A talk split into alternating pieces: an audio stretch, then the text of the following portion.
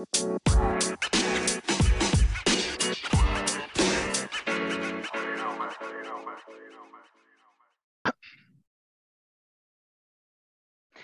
og velkommen til en uh, ny episode av Jordbrukspodden. I dag har vi vært så heldige å fått med oss en uh, skikkelig optimist fra litt sør i landet, Bjørn Ståle Mekkeien.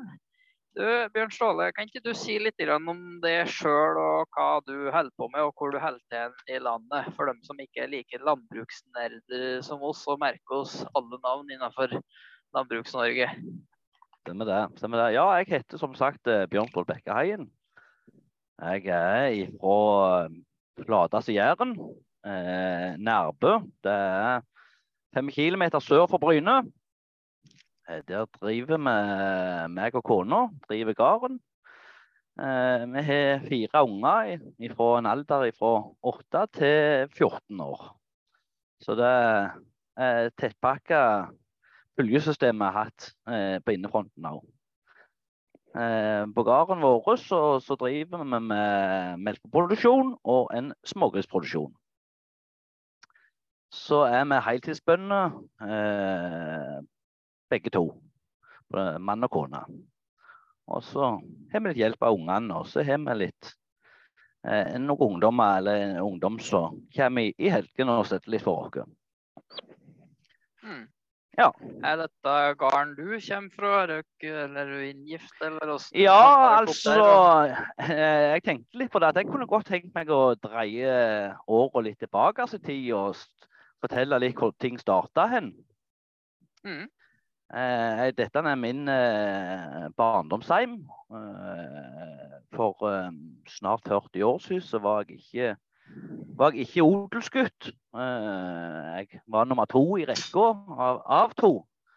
Men så opplevde vi en eh, tragisk gardsulykke hjemme på gården, der min bror døde som åtte år gammel. Og mine foreldre var jo da i, i sjokk og i sorg og, og skulle være bønder oppi dette. Og ja eh, livet måtte gå videre. I den tid så var det ikke noen avløsere som stilte opp. og Det var liksom ifra, ifra den dagen det skjedde til begravelsen var over, så var livet tilbake. Så det har nok det har nok òg prega eh, gnisten eh, min far, som da var bonde. Og ja, jeg var eh, Jeg utdannet meg som plate- og sveisarbeider. Eh, jeg syns det var veldig viktig å få ei, ei utdannelse og kunne ha et fagbrev å lene meg på.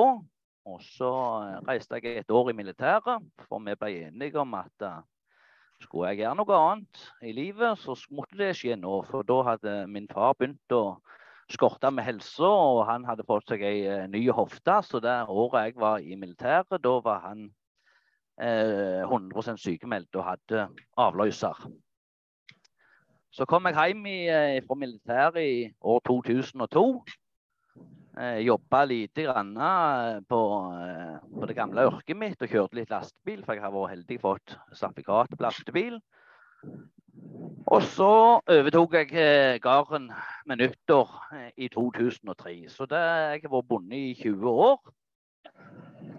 Nå med nyttår Eh, da jeg overtok gården, så var det en melkeproduksjon med 93 tonn med kvote. Og så hadde vi 18 års pørke. Jeg var unge og hadde lite ved og god rygg som skal til for å lykkes i norsk landbruk. Så jeg bestemte meg nokså fort at jeg ville bygge grisehus.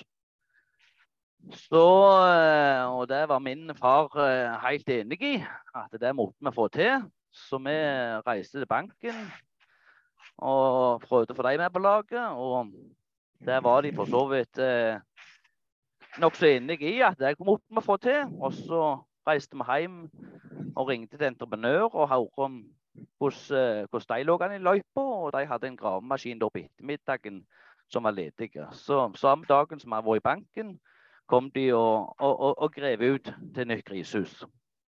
Så i mai, mai år som jeg overtok, så, så, var vi i gang med første byggeprosjektet på gården. Men det var altså før konsesjonsgrensa ble uh, heva? Ja, hun ble vel heva i 2003. OK. Eh, ja.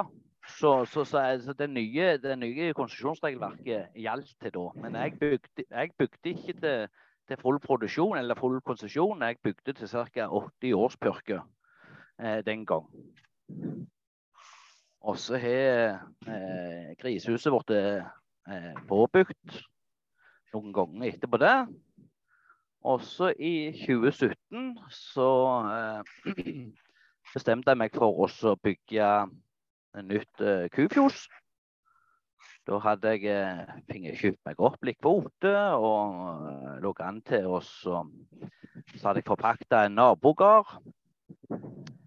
Så da eh, var det eksisterende båsfjoset mitt, som òg var i tilknytning til grisehus.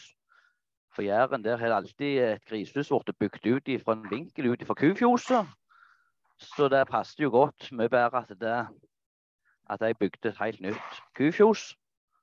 Så i 2017 da eh, bygde vi nytt, helt nytt eh, kufjos.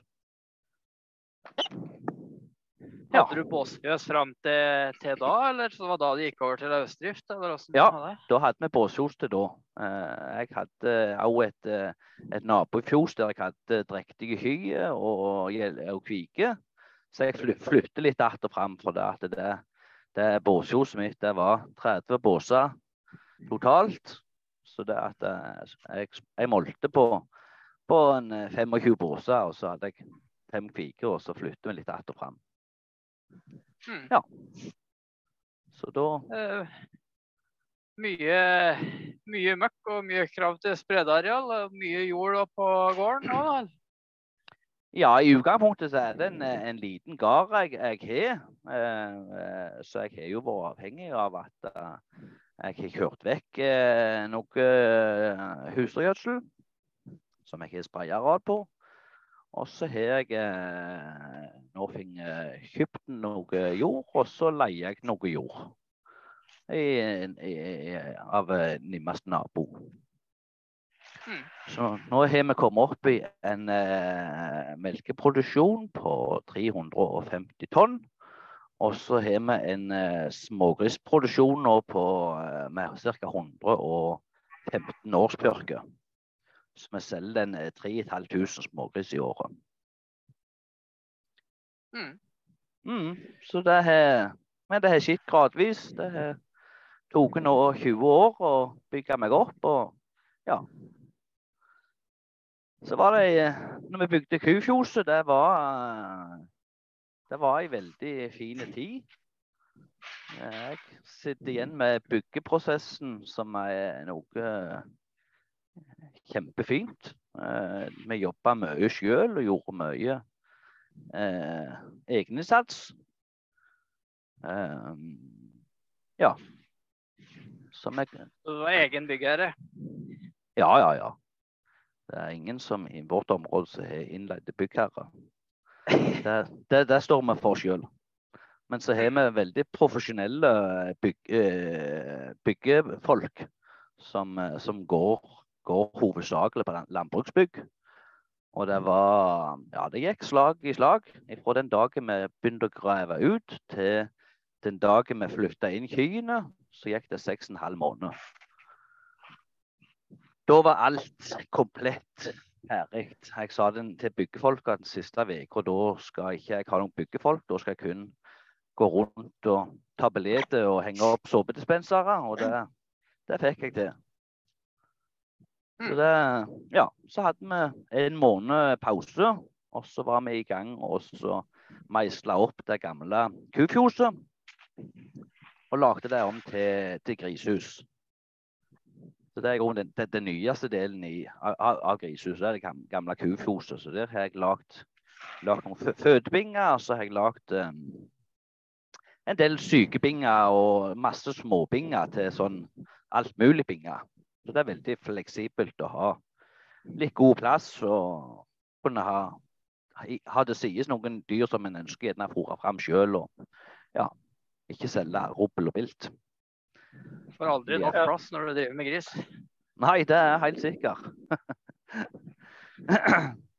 Så det er litt av eh, drifta vår. Og så ja. Så ja. Hva du skulle si, Asbjørn?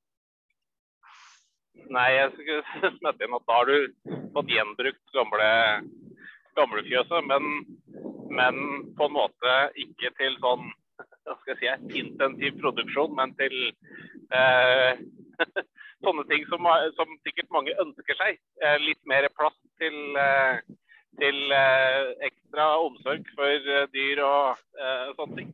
Det hørtes, jo, hørtes jo litt smart ut, og det hørtes ut som en, en god ting å ha. Da.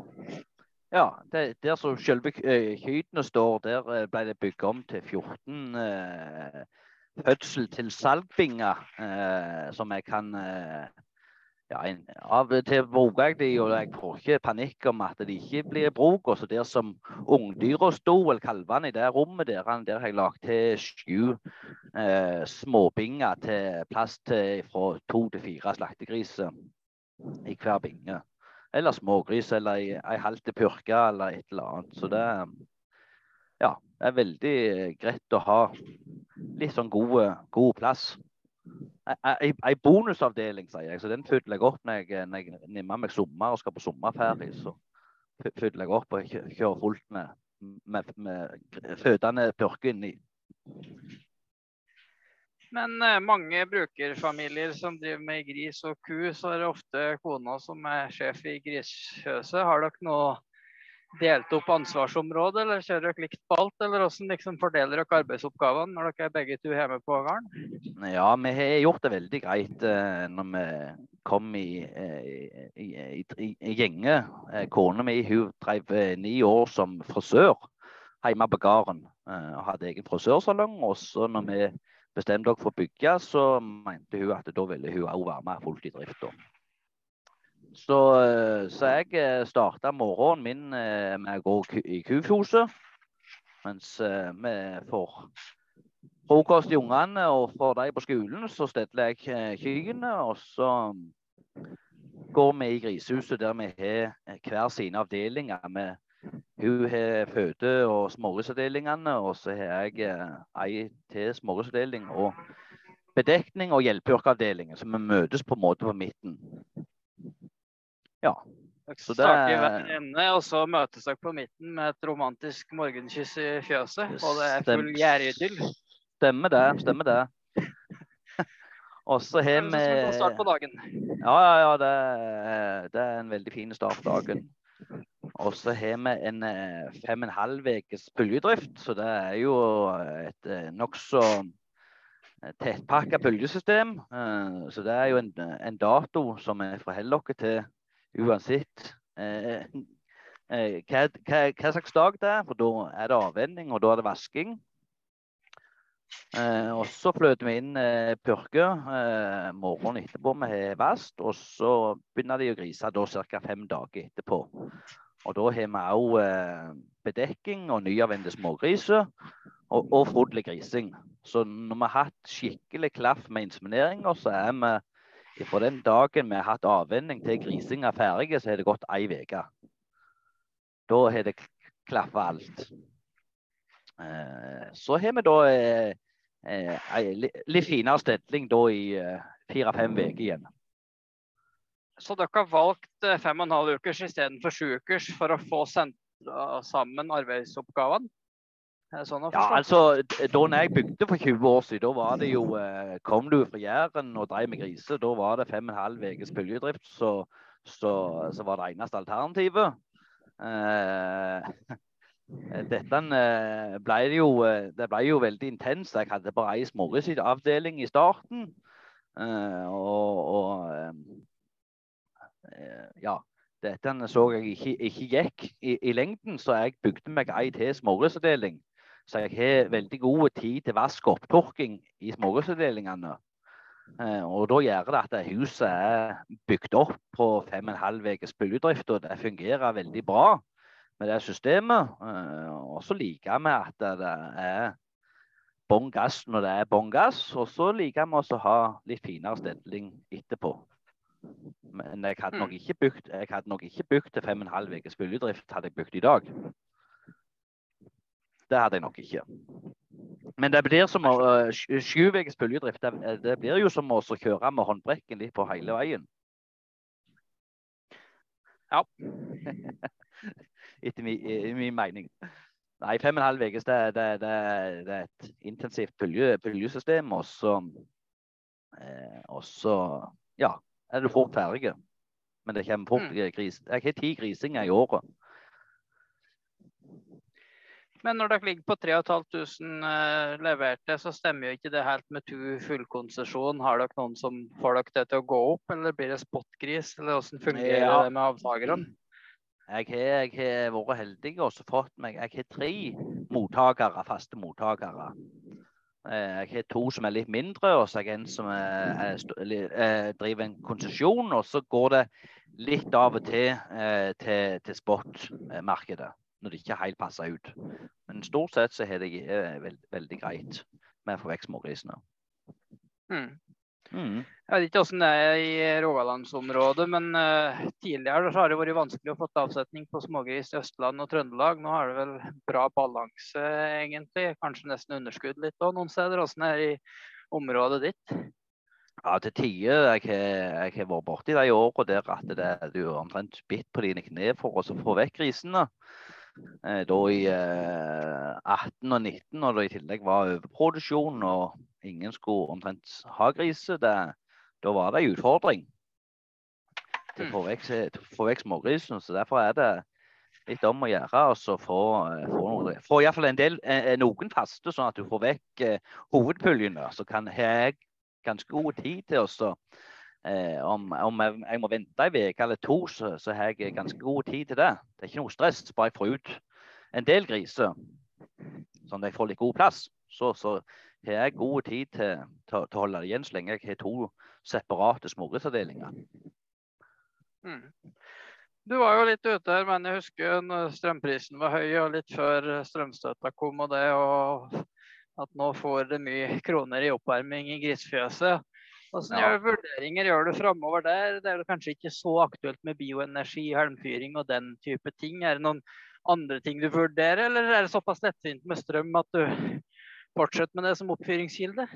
Ja, det er klart at strøm er jo en utgiftspost eh, så det holder i, eh, i en smågrisproduksjon. Vi trenger varme. Og det er klart at vi på, på, her på, eh, i Rogaland vi har ikke mye korn til å bruke halmpyring. og Eh, flis, flis er det jo ikke heller veldig mye av. Eh, så det at det har vært elektrisk oppvarming. Eh, som, vi har luft til vann, varmepumpe, som varmer i gulvet og litt, litt på veggene. Og så eh, i, i, kalde perioder så, så vi, setter vi på varmeovner utenom som er elektriske. Og det, har jo vært, det var jo helt avhengig at vi har fått og òg at vi fikk lov til å uh, ha dette altså Det var jo en maksgrense på 20 000 kWt. Uh, en kald vinterdag med òg uh, to produksjoner, der du har en melkerobot og, og lys som går 24 timer i døgnet. Og varme trenger vi. Har vi nyavvente smågris, så, så nytter det ikke å strupe ned på varmen. Så da, eh, da går det en del strøm. Eh, og vi har jo vurdert eh, alternativ. Vi har jo sett på solceller. Eh, solceller er jo fint og flott på, på sommeren, men det hjelper deg eh, ingenting på vinteren når du trenger eh, varme. Så har vi sett på, på gårdsvindmøller. Det er jo en ressurs som, eh, som vi aldri går tomt av eh, på Jæren. Det er vind. Og den produserer jo døgnet rundt og gjerne mest om høst og vinter. Når det gjerne blåser mest ute. Så det er nok gjerne et eh, vel så aktuelt eh, alternativ som, som solceller. Eller en kombinasjon med sol og vind hadde nok vært helt gunstig. Men det er en eh, relativt stor investering. Eh, og ingen støtte. Eh, men nå har vi funnet en garanti for at uh, vi har en makspris på, på 70 øre ut 2024. Eh, så jeg kjenner jeg stresser ikke sånn ekstremt eh, akkurat nå. Nå har vi litt forutsigbarhet til å kunne ja, investere og, eh, i andre ting òg. En, en, kan jo investere i det jeg har gjort i, i, i bytte ut mye til ledd og investere gjerne enda mer i eh, andre alternativ, altså luft til vann, varmepumpe. En, enda mer av det, gjerne lei til. Ja. Så ja. Men det har vært helt avgjørende at vi fikk den strømstøtten. Og at vi nå har fått en eh, forutsigbarhet til ut 2024 iallfall. Og hva som skjer etterpå, det, det tror jeg ikke noen kan svare på. Du eh, har jo vært litt engasjert i Norsvin, og vi har hatt, hatt med en i jordbruksbåten her som er enda et hakk høyere enn det i Norsvin. og Snakka vel litt om SPF og den strategien der. Har dere SPF nå, eller uh, hvordan, hvordan, er det? Eh, nei, eh, jeg kan jo si at jeg er leder her i Norsvin Sør-Vest. Det er jo eh, ja, Det dekker Rogaland og Hordaland. Eh, der er vi 350 medlemmer som, eh, som jeg sitter som leder i eh, her i Nordsund Sør-Vest. Og så har jeg med meg et godt styre. og eh, vi jo, Nordsund har jo sett seg et mål om at Norge skal være 100% SPF. Eh, og det, det håper jeg og jeg har veldig lyst til, til sjøl òg, å legge om eh, når den tid kommer. Eh, det, det, hadde vært Det eldste delen av grisehuset mitt er jo 20 år, så det at det, ting begynner jo å og, og, og, og bli utslitt, eller iallfall bør vedlikeholdes litt. som, som en fem og en halv ukes bølgedrift, så er det ikke så enkelt å, å stoppe opp produksjonen eller få eh, reparert. Så det, at, eh, det hadde jo gjort seg med en, eh, med en liten driftsstans, og så starte opp med, med blanke ark.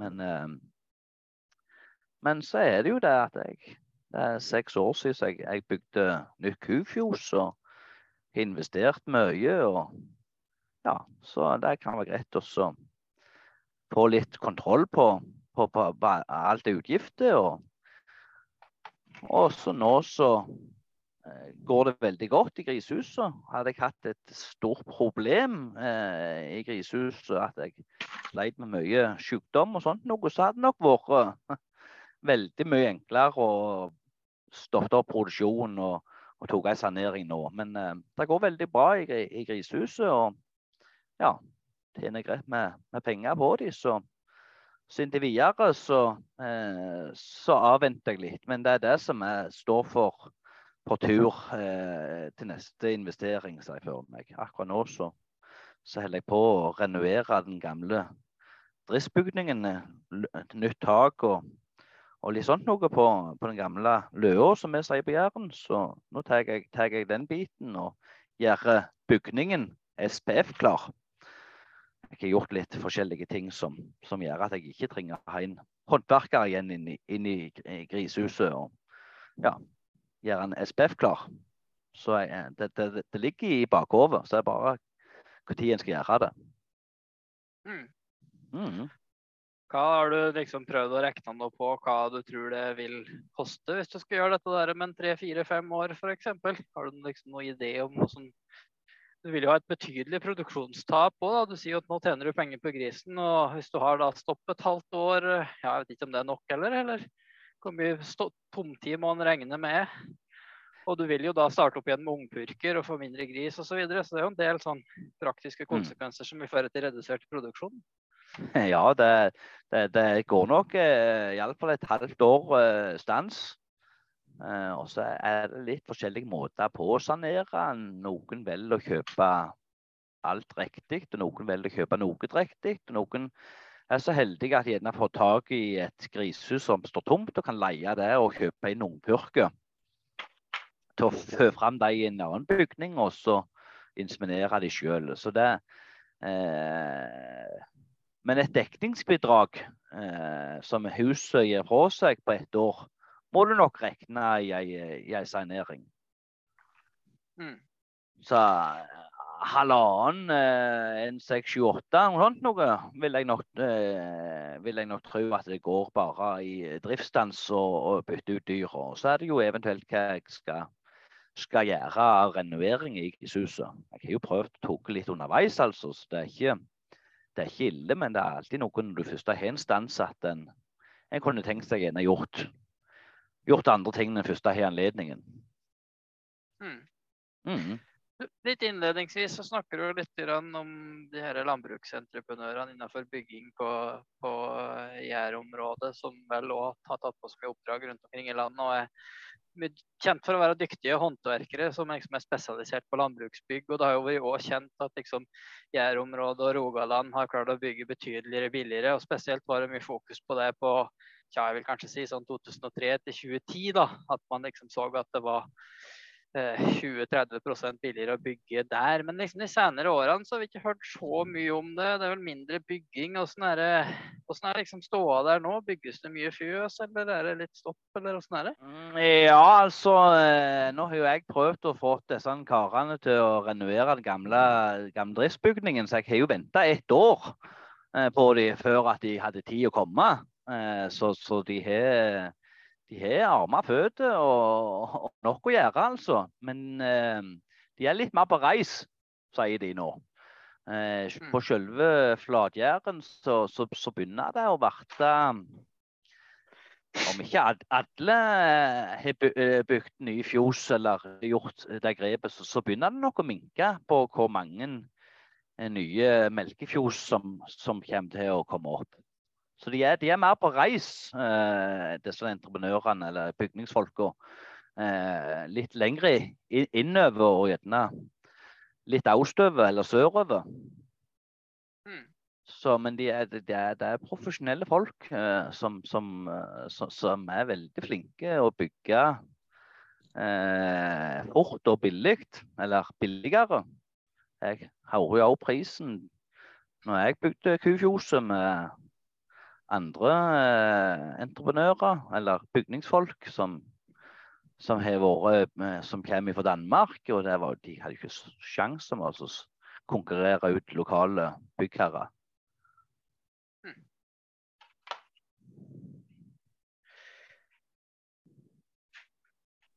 For en som er eh, litt bort fra bygg, skulle jeg si. For en som Ola kan mye om gris. Jeg kan lite om gris. Men eh, mitt inntrykk er jo at det har vært en del eh, utfordrende år å drive med gris. Du kan si det sånn, da. Eh, for det har vært overproduksjon og mye stor, altså høy ja, Hva het den avgifta? Ah, omsetningsavgift. omsetningsavgift, beklager. Ja. for å på en måte ta hånd om overproduksjon. Eh, men samtidig så har det jo mjølka vært OK eh, ja, fram til, fram til for en stund siden, da. Eh, føler du at du har litt sånn mer å spille på der? At du sprer, skal jeg si, sprer risikoen litt utover? At eh, det, du kan tåle litt at det går litt trådere med den ene produksjonen når den andre har gått litt bedre, eller? For nå, nå, nå har jeg jo inntrykk av at nå går det greiere uh, med gris og trått med mjølk. Uh, mener jeg, da, som er mjølkeprodusent. Ja, altså som jeg alltid har sagt, at uh, å ha to føtter å stå på, det har alltid vært en fordel. Det er fælt mye vanskeligere å stå på én fot. Samme gjelder med to produksjoner. Og melk det er stabilt dårlig, men det er stabilt. Eh, og du vet hva du skal forholde deg til både i år og neste år og gjerne de neste fem åra. Så noenlunde iallfall. Gris er, er mye mer jojo-produksjon. Eh, der du kan eh, det ene året være underdekning og ta ut eh, greie priser, mens neste år så går du inn i en, i en, en overproduksjon. Sånn har det vært. og det er klart, når jeg bygde nytt kufjos i 2017.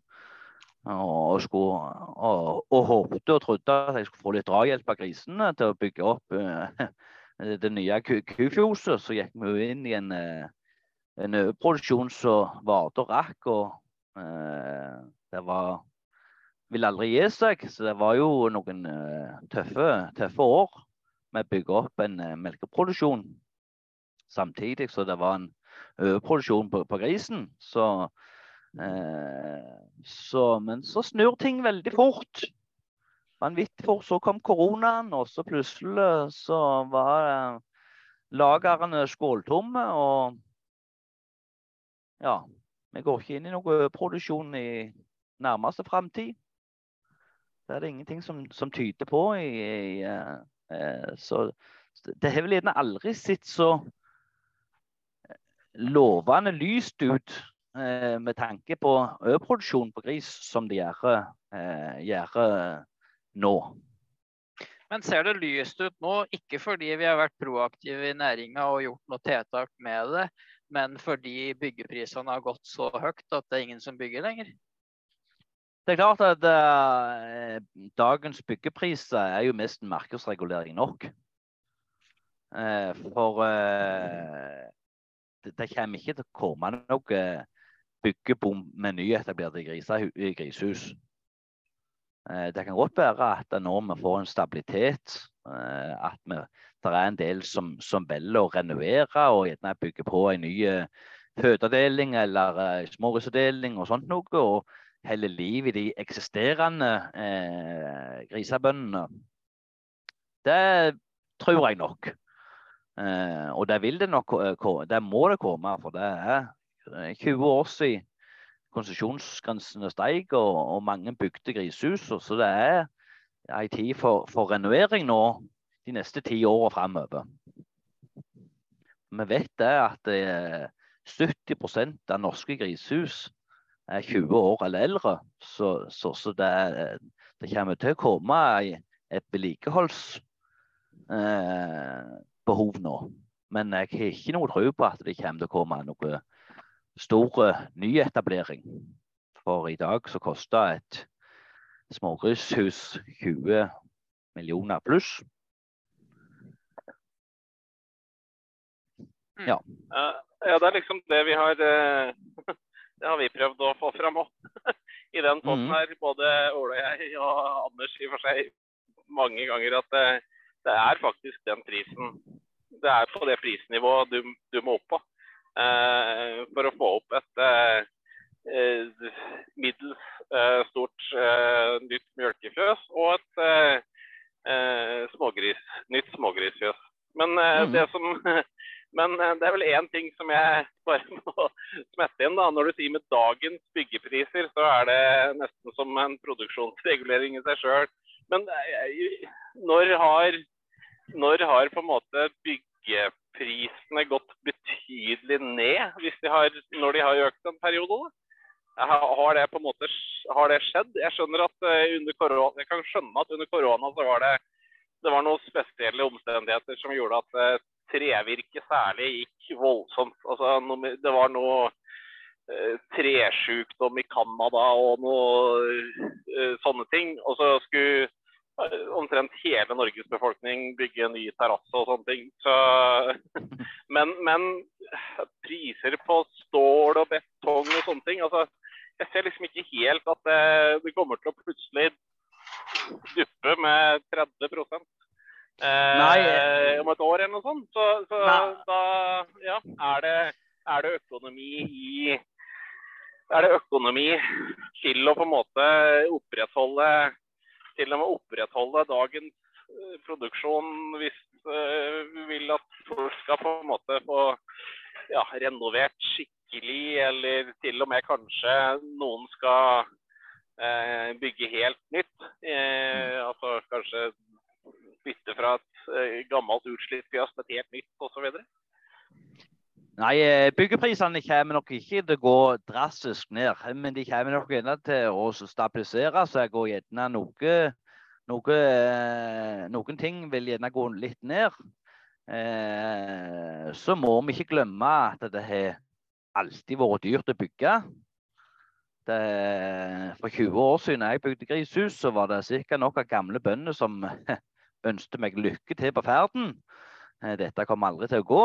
Eh, og så har det nok blitt bygd eh, grishus og kufjos eller eh, med en dårligere økonomi enn det det gjerne er nå. Når en ser på hva en har klart å løfte prisen.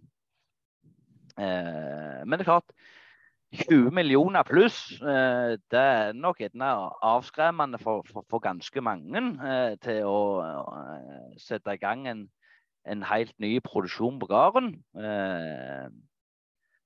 Men det er gjerne ikke det vi skal ha mest fokus på, at vi skal ha så mange nye inn. Vi skal nok heller ha fokus på de som, som er i næringen, og, og kan gjerne gjøre noen grep. Eh, og så kan de bruke eksisterende bygningsmasse, grishus, til bufferplass, altså det er litt mer eh, plass, sånn som jeg har bygd om mitt kufjos til. Eh, for det har nok en, en, del folk et skrikende behov for.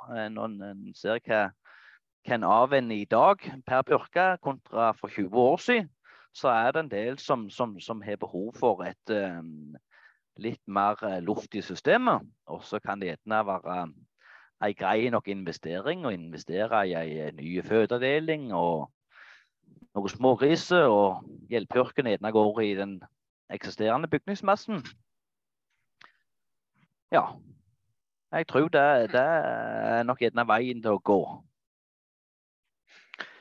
Men på Q-sida, da, hvilke strategier har dere der? Fokusområder, avl, grovfòr, kuraser, høsteopplegg. Hvordan, eh, hvordan er det dere ja. gjør det der for å få til best mulig resultat? Ja, der har jeg, eh, jeg har ei, ei besetning som ikke er lik noen andres besetning. Jeg har alltid vært, hatt kuavl som min hovedhobby. Eh, så jeg har hele veien eh, blanda. Jeg har brukt mye rød dansk melkekveg. Jeg har vært fascinert av eh, røde kyr i Danmark. Så jeg har kryssa inn mye, mye, av det opp gjennom åra.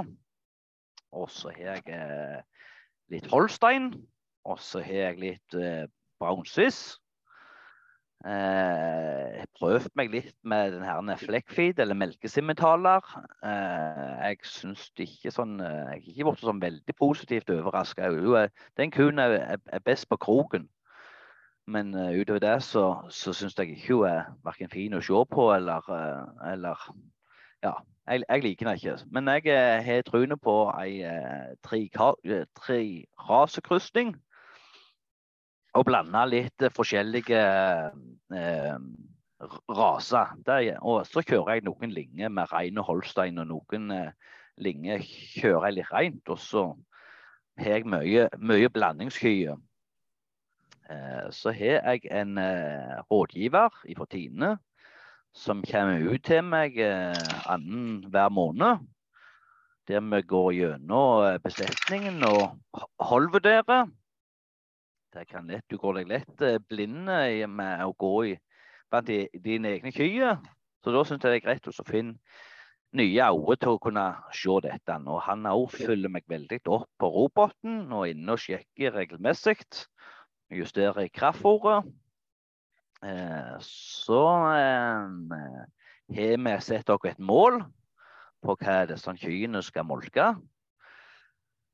Så jeg eh, ligger på rundt eh, ja, et år var jeg 10.600 eh, energikorrigert, og så eh, et annet år var jeg på 9800 energikorrigert.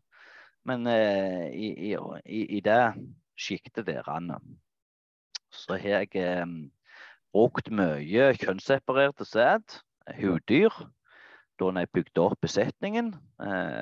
og så har jeg jeg har alltid likt å ha mye fine, flotte kviker. Så, eh, som jeg òg tar kalven. Og så har jeg eh, solgt en del livdyr. Kyr. Jeg tar kalven og molker de opp, og så har jeg eh, solgt en del livdyr. Og så får jeg fram litt stuter. Jeg har en, jeg har en binge innimellom med, med stut. Og så ja, har vi bytta litt på strategien nå med, i lag med rådgiveren. At uh, kanskje når forhåndssalget uh, går litt ned, at det kan bli litt vanskeligere å få solgt livdyr.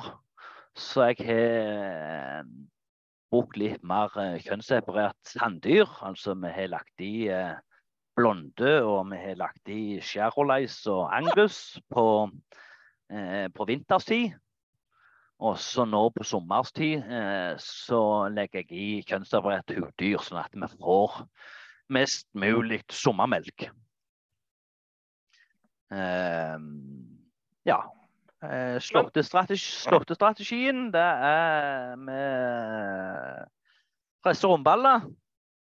Eh, alt rundt ørene, rundt fjoset mitt eller rundt gården min, kjører jeg eh, flerårig reigras. Så det kjører vi fire slåtter på. Og så det som er da nabojord og leiejord, der kjører jeg eh, ei spire-ti-blanding, altså 10 reigass og timotei og, og dette. Og der kjører jeg en treslått strategi. Så har jeg ei miksevogn der jeg har en balle hver, hver slått. Og blander dette i hop uten noe krafttilsetting, bare Eh, bare, bare gras og litt halm og litt sånt noe følger med på avføringa. Eh, og så får de krafta i robot og eh, kraftstasjon. Enkelt og greit. Kjører gjennom fjoset med traktor og miksevogn. Ola, er eh, Har vi nå den første ordentlige flatgjærbuen på podkast? Det var bare et, uh, en tanke som slo meg nå. Det er mulig, men uh, ja. siden vi har med en flatgjærbonde, så lurer vi jo litt på hvorfor du har valgt rundballer og ikke silo, da. ja, det er, det er mange uh, måter Altså, det, jeg syns det er veldig greit å kunne ha noen av stykkene mine at vi har reigras, flere reigras, og kjører fireslåtters system på det. Og så er noe av den jorda som jeg har kjøpt nå, eh, litt tyngre, litt myraktige. Eh, så der eh, er det ikke om å gjøre. og der må jeg følge med på vær og vind, helst fuktighet, og berge det, liksom. Og så, så syns jeg det er veldig makelig å ringe til en entreprenør, og så kommer han og presser romballene for meg, og så kan jeg sitte i, på terrassen og så se når han kjører utover kvelden og av og til må stoppe opp og skru i denne pressa og tenke at ja, ja, jeg er glad at jeg kan sitte her, og så kan du sitte der og presse. Så kan jeg kjøre i hop romballen dagen etterpå. Men er det Hvordan er det Og så ikke minst at når jeg har ei miksevogn, kunne jeg ta en balle fra hver slott og ha ei veldig eh, stabil fòring gjennom hele sesongen. Eh, mm. Jeg har aldri varmgang i eh, fôret mitt. Du hiver aldri noe. Eh, og det her med varmgang, der, eh, der fyker tusenlappene opp i lufta. Som er veldig vanskelig å, å, regne på. Men det er ingen tvil om at, om at der kan hele vinningen gå opp i spinninga hvis du ikke har uttak nok. Nei, jeg skal, jeg, jeg, skulle egentlig tenne over på noe annet, men jeg må, jeg må, for, jeg må si meg enig i det. Altså, eh, vi driver jo òg eh, med mye jord rundt fjøset, og det er ikke er jo ikke sjelden vi òg har fått spørsmål om hvorfor i verden ikke vi bare måker opp noen plantiloer og begynner med det. Men eh, vi har samme, jeg har samme erfaring som deg. Eh, vi leier inn entreprenør, og han bruker sånn brei breiplast eh, på Rundholm på nett. Og etter at den begynte med det, så har vi altså svinn, svinn på grovfòr hos oss. Jeg, jeg, tror vi må ned på 2-3% kanskje. Maks. Ja, de, de, de, de triller bare en gang i måneden jeg kjører ut. Ja. ja. Og så, så, så vi er veldig fornøyd med det. Ja. Har du breiplass på ballene, og så har du en sånn plastikkpresse som står rett på sida og kan kjøre inn i forrommet og ta av en eh, balle og hive opp i miksevognen. Du kan stå tort og godt inn i fjoset. og Ja, jeg syns det er veldig greit. Så får vi ja. se.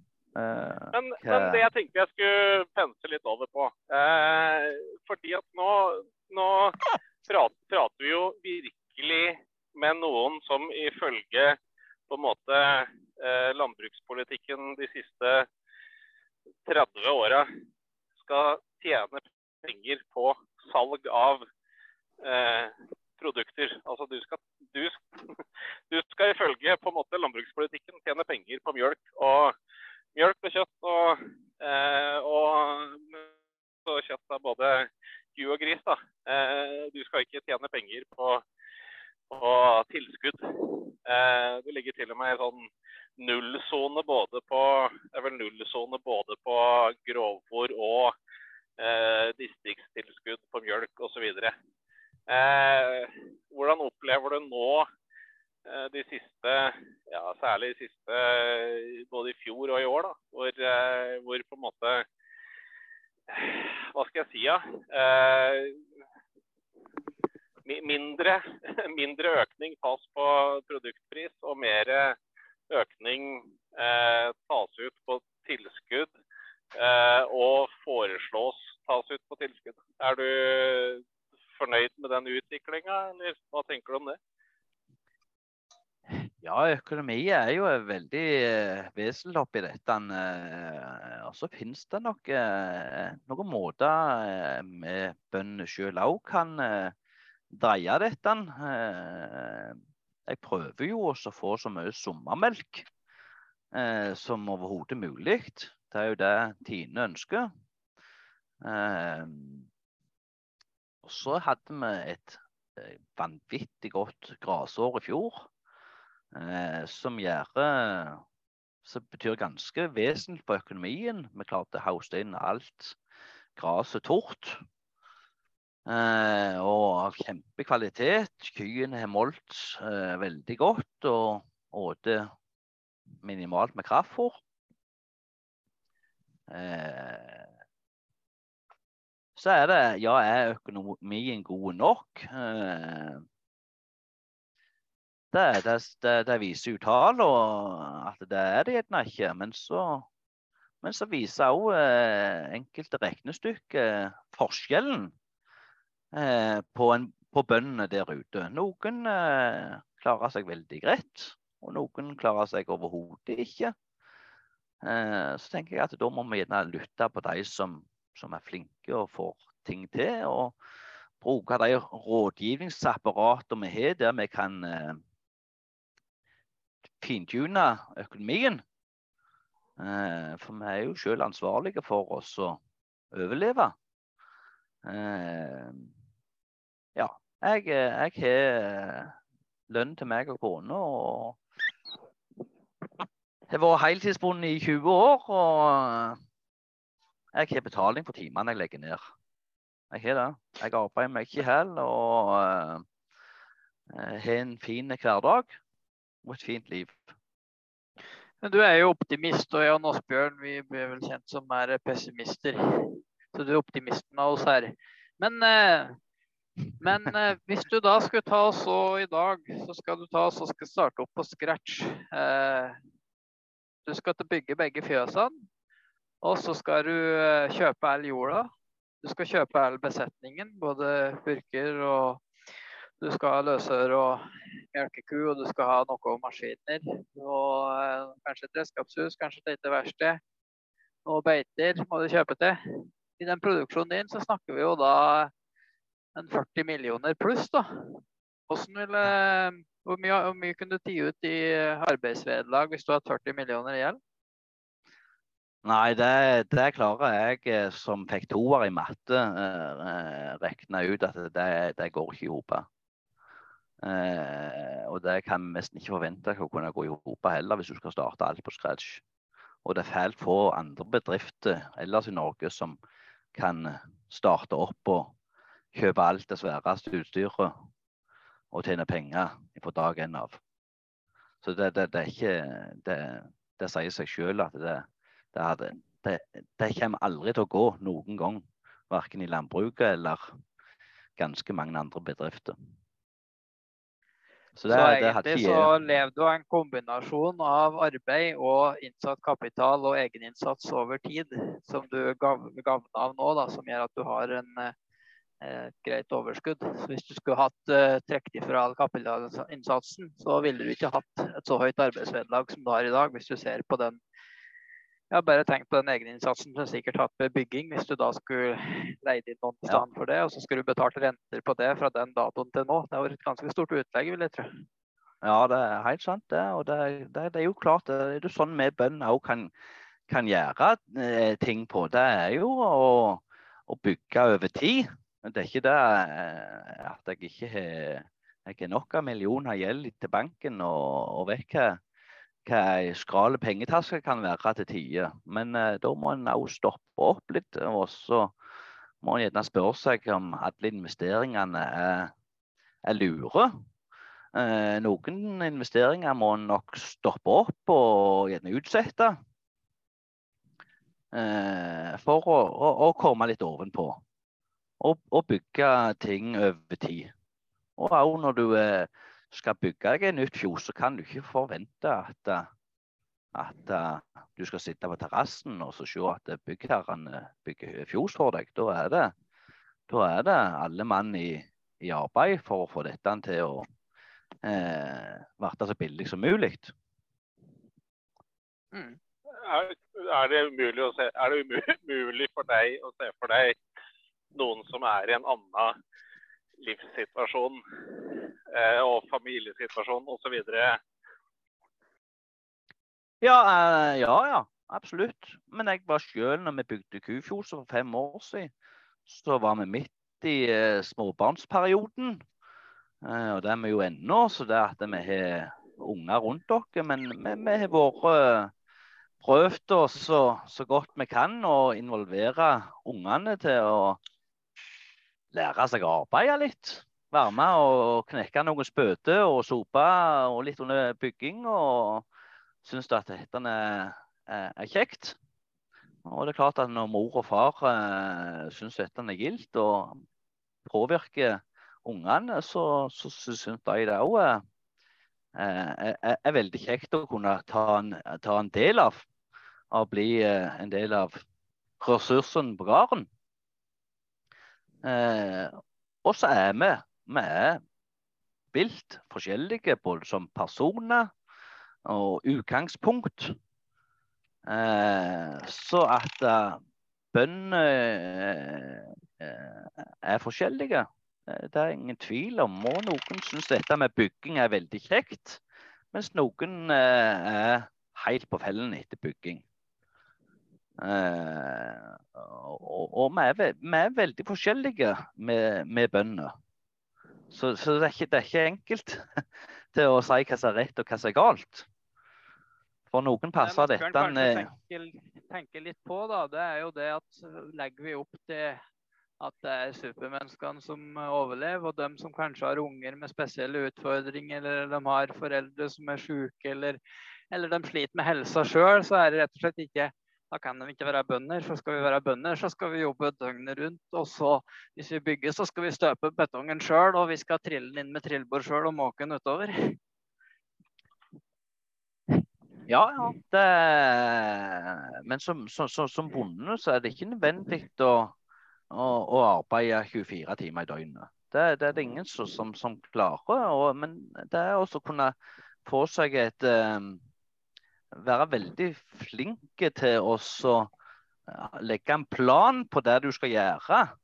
Eh, så, eh, så går det godt å være bonde uten å arbeide 14-15 timer i døgnet. Det gjør iallfall ikke jeg. Det, Det kan hende at jeg falt ut litt. For jeg fikk en selv... Hør, hør, det, Hører du nå? Klipp, vi, ja, vi klipper i den podkasten. Det her skal jeg klippe bort. Ja. Men eh, Nei, det, det, var, eh, det, var, det Ola var inne på, eh, som jeg var litt ute etter. Altså, det er Bønder har forskjellige forutsetninger. Eh, altså, mm. noen har, noen har flere unger i rett eh, arbeidsfør alder som er interessert til å være med, og kanskje flere kårfolk som hjelper til og i det hele tatt. og, og Eh, kanskje til og med har eh, folk i familien som er eh, rørleggere og elektrikere osv. Så, videre. så du kan liksom gjøre veldig mye egeninnsats. Men andre, mens andre ikke har den. Du ja, kan på en måte ikke legge opp landbrukspolitikken sånn at alle skal ha muligheten til å legge, legge ned en vanvittig egeninnsats for å, for, for å få opp eh, eh, altså Restaurere eller få opp eh, nye fjøs. da. så det var litt den ja, eh, nei. Jeg, jeg syns ikke at eh, det skal være på en måte betingelsene. Eh, da, da tror jeg landbruket blir etter hvert for eh, I hvert fall Det er noen som faller utafor, for å si det sånn. Det er klart at det, hver bonde må legge opp eh, sitt løp til det som passer sin familiesituasjon eller livssituasjon eller grunnlag. Eh, noen må gjerne eh, tenke alternativt eh, når de skal bygge seg løsdrift. Noen må gjerne utsette eh, planene en stund for å få økonomien sin eh, opp og går. Mens andre har gjerne både kårkalle og svigerforeldre og eh, venner og alt mulig som kan, kan stille opp. Og, så, så vi, er, vi er veldig forskjellige. Eh, det er jo ingen tvil om at vi det. Jeg er jo, jeg er jo heldig i, mitt område, så har jeg jo er jo bønder så langt øyet kan, kan se. Og alle mine venner er bønder. Eh, så vi har jo alltid hjulpet hverandre med dugnad eller eh, hjelp når vi skal gjøre noe. Enten det er riving av forskaling eller å passe på hverandre sine unger. Ja, og det, og det, altså, det, jeg, det skal jeg absolutt overhodet ikke være negativ til. Det er jo en, kjempe, en kjemperessurs. Eh, og, det, og, det, er jo det du ser altså, men, men, det er jo det du ser litt eh, rundt omkring i Norge nå, da.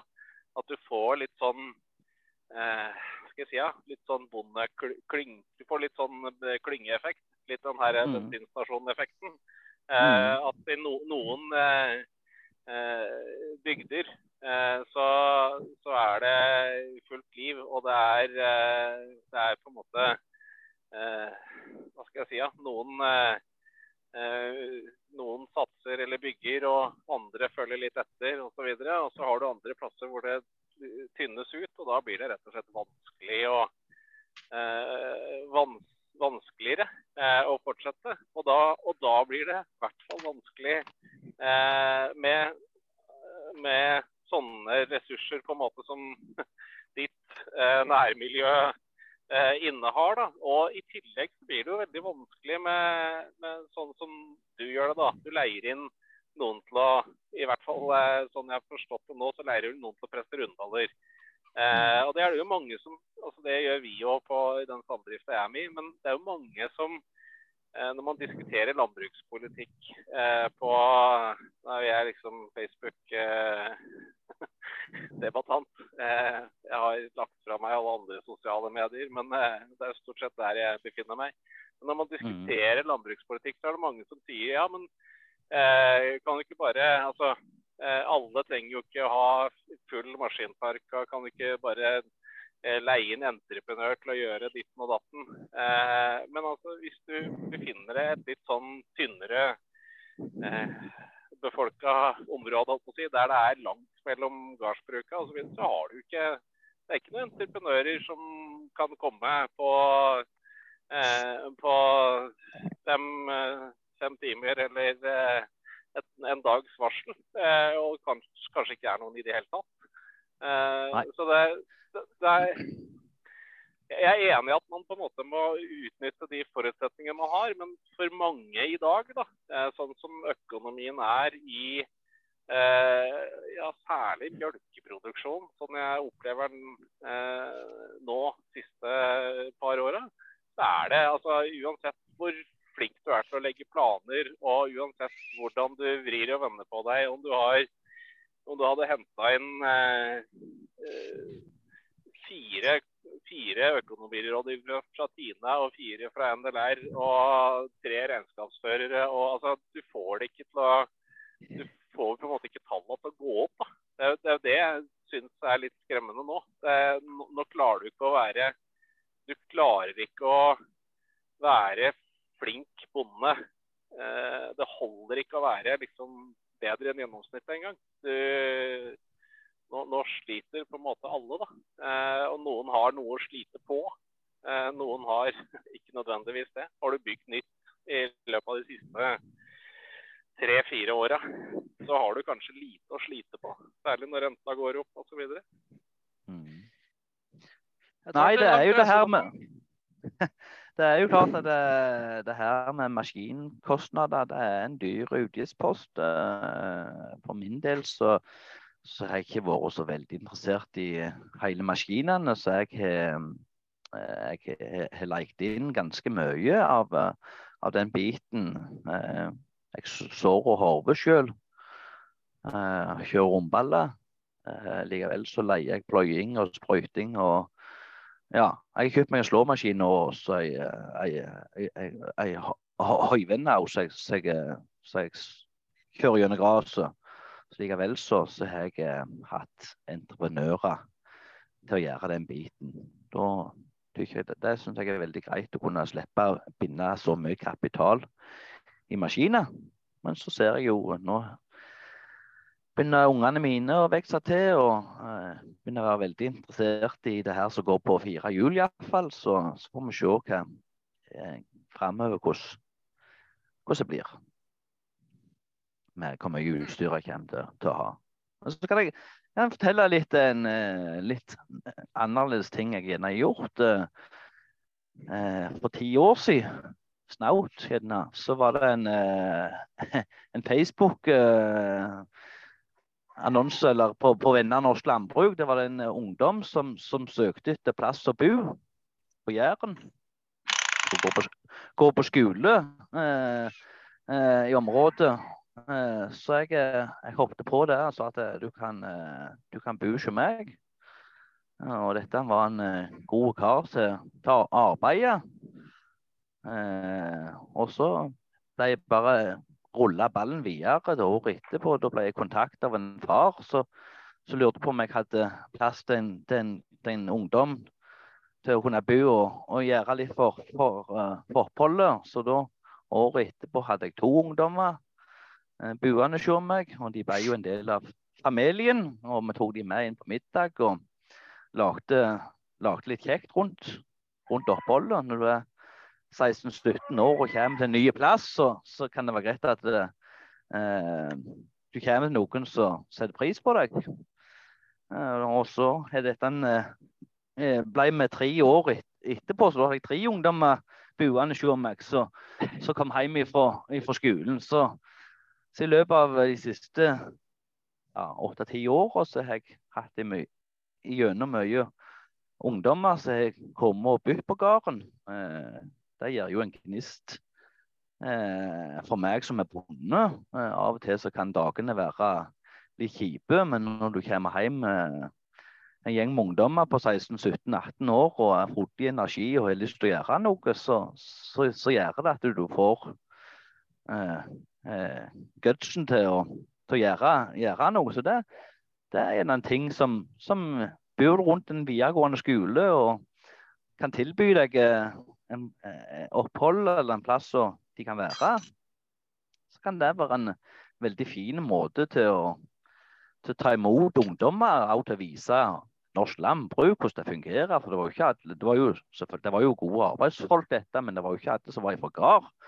Eh, så kunne jeg involvere dem på en, på en, en gard og vise dem eh, hvordan norsk landbruk fungerer. og Ha det med deg i fjoset og og, få ting, få ting, fort gjort ute. Uh, så det, det var, en, var, en, veldig kjekk eh, opplevelse. Og minst, ikke minst har de vært noen store forbilder til, til, mine unger, der vi samles til middag hver dag. Vi var ni stykk rundt middagsbordet, og vi diskuterte løst og fast. og det har vært en vanvittig kjekk opplevelse i, som bonde, for min del.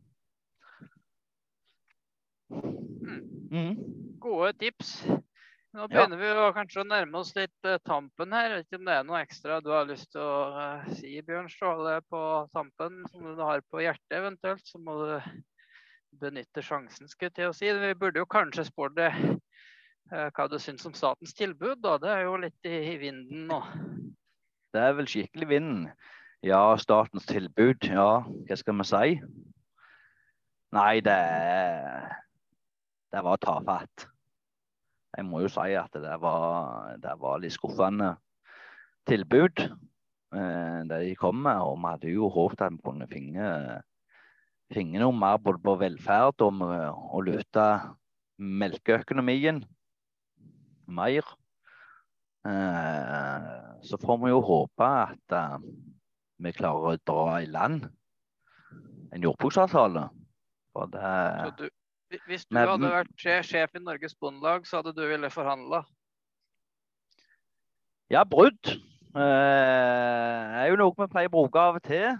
Eh, det er noe dritt. For det kommer det ikke noe godt ut av. Da er det staten som sitter og bestemmer alt. Eh, nei, det, det, er vanskelig å, å vite hva som er rett og hva som er galt. Eh, en må prøve å forhandle så langt, så langt det lar seg gjøre, mener jeg. Eh, men det, er klart at det, jeg hadde håpet og trodd at uh, myndighetene hadde eh, forstått alvoret som mange sitter i. Det skal store investeringer framover i landbruket, og vi skal ha ny rekruttering inn. Og da må de uh, ha troen på at de skal, skal, kunne få seg et liv uh, som folk flest. Uh, som bonde. Så jeg hadde jo håpet og trodd at de skulle komme med noe bedre dette. Så får vi se hvordan det bærer hen. Mm. Mm. Nei, men det var vel en grei avslutning. Og så får vi nå se hva som skjer i den saken. Og så er det veldig trivelig å ha med deg i, i dag. Og noen gode tips og refleksjoner som andre kan ta med seg videre. Og hvis jeg skal oppsummere kanskje det litt du sier, da, så er det ikke du tør jo å tenke litt nytt på egen gårdsdrift og er ikke redd for å prøve litt nye ting da, for, å få, for å få resultater. Må by på deg sjøl. Det er da du får til noe. Da sier vi takk for oss i dag. Tvi, tvi. Hei, hei.